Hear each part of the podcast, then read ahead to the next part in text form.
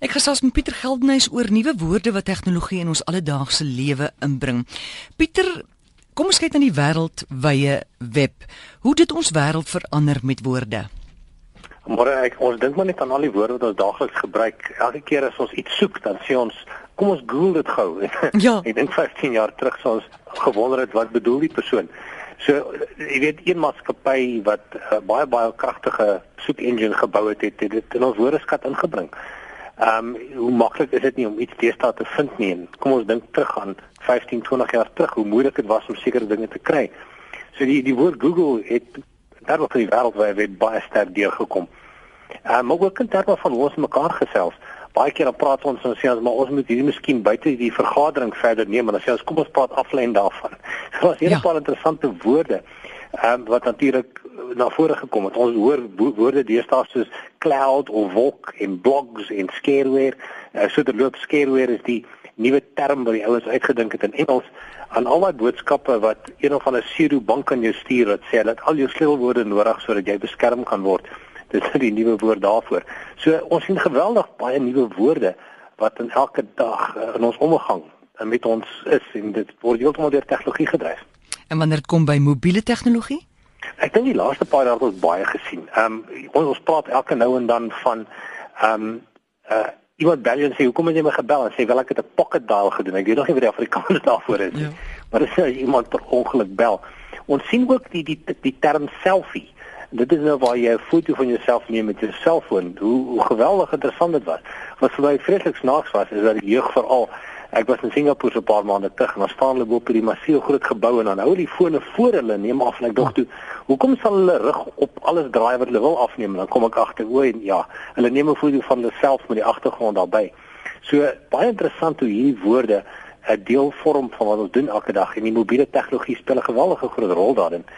Uh, ons sien ook dat die jeug heeltemal 'n nuwe om, omdat jy op jou selfoon baie vinnig moet tik het hulle hele klop afkortings geskep. Um en hierdie afkortings het amper deel geword van ons lewens. As jy die afkorting sien wat mense in teksboodskappe stuur, dan sien ons dat um dit heeltemal 'n taal op sy eie geword het.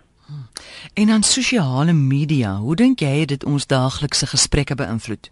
En as mens veral kyk na die mense, die persone wat sosiale media volg, natuurlik, ek praat nou van Facebook en Twitter, ehm um, en ons sien dat mense dit vir verskillende redes volg sien ons dat as jy die die nuutste nuustendense wil volg, dan kyk ons na die die Twitter omgewing. Ons praat van tweets waar verskillende mense oor goed praat en ons praat van ehm um, sekere tendense wat tans die boottoon voer en in Engels praat ons van trending. En ehm um, hier gee sosiale media vir ons insaag 'n nuus wat ons gewoonlik op radio eers gehoor het, maar wat ons nou op ons selfone kan kry en dis nie nuus wat uit 'n sentrale punt gedryf word nie, maar nuus wat kom van die mense self af soos wat ons nou in Turkye gesien het waar hulle Twitter probeer afskakel het om nie die president um, in 'n slegte lig te plaas nie. So sosiale media speel ook 'n geweldige groot rol in die, in die woorde wat ons het, van tweeting na hashtags na Facebooks na trending. Hele paar nuwe woorde. Gou vinnig Pieter, daai storie van die Twitter in in Turkye het mos geboomerang, né? Nee? In 'n groot mate ja, daar daar stuur hulle wat jy kan doen. Hulle het hoofsaaklik die selfoonmaatskappye gevra om toegang na die Twitter adres toe af te sny.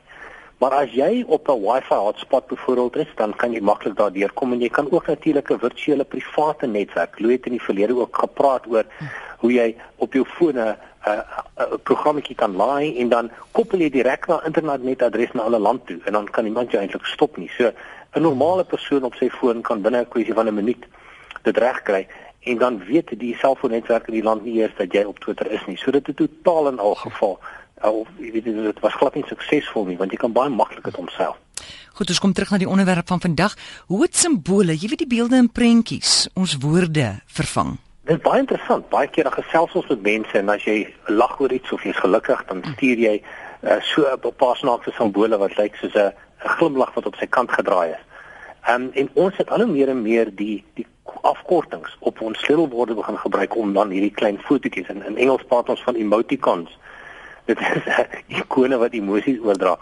En ehm wat baie interessant is, die oomblik as jy dit dit doen dan dan verskyn daar fisies 'n 'n glimlaggende ikoon op jou foon soos jy gesels. So ons het al hoe meer en meer van simbole gebruik gemaak om ons emosies oor te dra. Die verlede het ons woorde gebruik en nou begin ons hierdie klein simbooltjies gebruik om baie vinniger emosies oor te dra.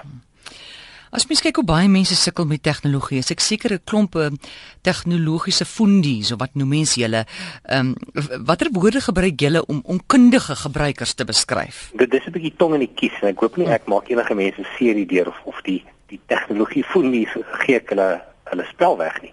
Maar daar's gewoonlik twee woorde wat hulle in die verlede gebruik het. Ek weet nie wat hulle deesdae gebruik nie.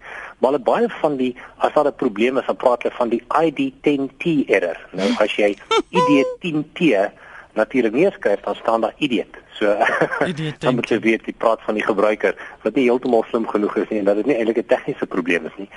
Ehm um, hulle praat ook natuurlik van 'n pitcack error. Dit staan natuurlik vir die problem exists between keyboard and chair. So jy weet of jy kan daarvoor is nie, maar as jy die probleem soek dan is dit tussen jou sleutelbord en jou sitplek. Ek is 'n pitcack um, geval.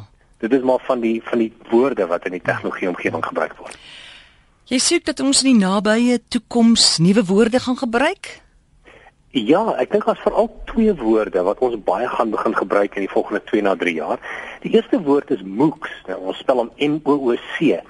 En dit staan eintlik in Engels vir Massive Open Online Course. Wat dit eintlik beteken is dat jy enige universiteitskursus alreeds op jou selfoon of selfs jou tablet of op jou rekenaar kan volg.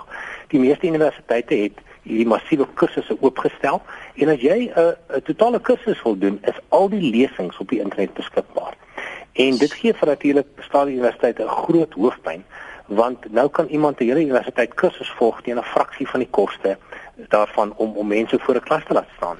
So die die woord MOOC wat natuurlik die weerstand vir Massive Open Online Course is, dis 'n woord vir hierdie nuwe tendens waar jy enige universiteit kursus van die beste universiteite in die wêreld kan volg deur eenvoudig op die internet uh, op te skakel. Dan is daar 'n interessante woord met die naam net binging. Nou moenie my vra wat die Afrikaans daarvoor is nie, maar kom ek verduidelik gou. In Amerika en 'n paar ander lande is die internet so vinnig dat dit eintlik televisiekanale begin vervang. Die hele konsep van 'n televisieuitsending is besig om te verval in alle lande omdat jy enige tyd net wanneer 'n nuwe program uitkom, oombliklik daarna kan kyk. Uh, in Suid-Afrika het ons een van die programme gesien, The House of Cards, waar Kevin Spacey speel en die eerste reeks is sopas verby. Maar omtrent so 'n week na die eerste reeks verby is, het 'n maatskappy met naam Netflix die hele tweede reeks beskikbaar gestel. En wat nou gebeur is dat jy jy klik eenvoudig met jou rekenaar of met jou nuwe slim TV op die maatskappy naam Netflix en jy kyk na die hele reeks. Jy betaal so 8 dollar 'n maand om dan na die hele reeks te kyk. En wat mense nou begin doen is dat hulle nie kan wag vir 'n week of vir 'n uur om na die volgende episode te kyk nie, want die hele reeks word op een slag beskikbaar gestel. En die reeks is omtrent so 13 ure lank. En wat ons nou begin kry, is dat mense 'n hele naweek binne bly om die hele reeks te kyk vanaf begin tot einde en die woord word nou net binging genoem. So Netflix, as jy dit op Netflix inskakel en jy bly hele naweek binne om 'n hele reeks klaar te kyk, dan word dit net binging genoem. En uh, dit is blykbaar baie groot groot probleem in Amerika. Uh, en ons gaan dit in Suid-Afrika sien oor die volgende 3 na 4 jaar, soos ons internetverbindinge vinniger word en dit televisiekanale begin vervang. En dan jy ook iets gesê van 'n net joggie, wat's dit? 'n net joggie is uh die, die in die ou dae het jy DJ gekry en meestal kry jy 'n net J. Dit beteken daar sekere radio radioprogramme wat net op die internet uitsaai. Soos RSG wat almal na kan luister in Suid-Afrika en natuurlik rondom die wêreld, is daar sekere radiostasies wat net op die internet uitsaai. En hierdie mense word nie DJ's genoem nie, hulle word net J's genoem. Maar uh, ek dink nie dis 'n term wat ons elke dag gaan gebruik nie.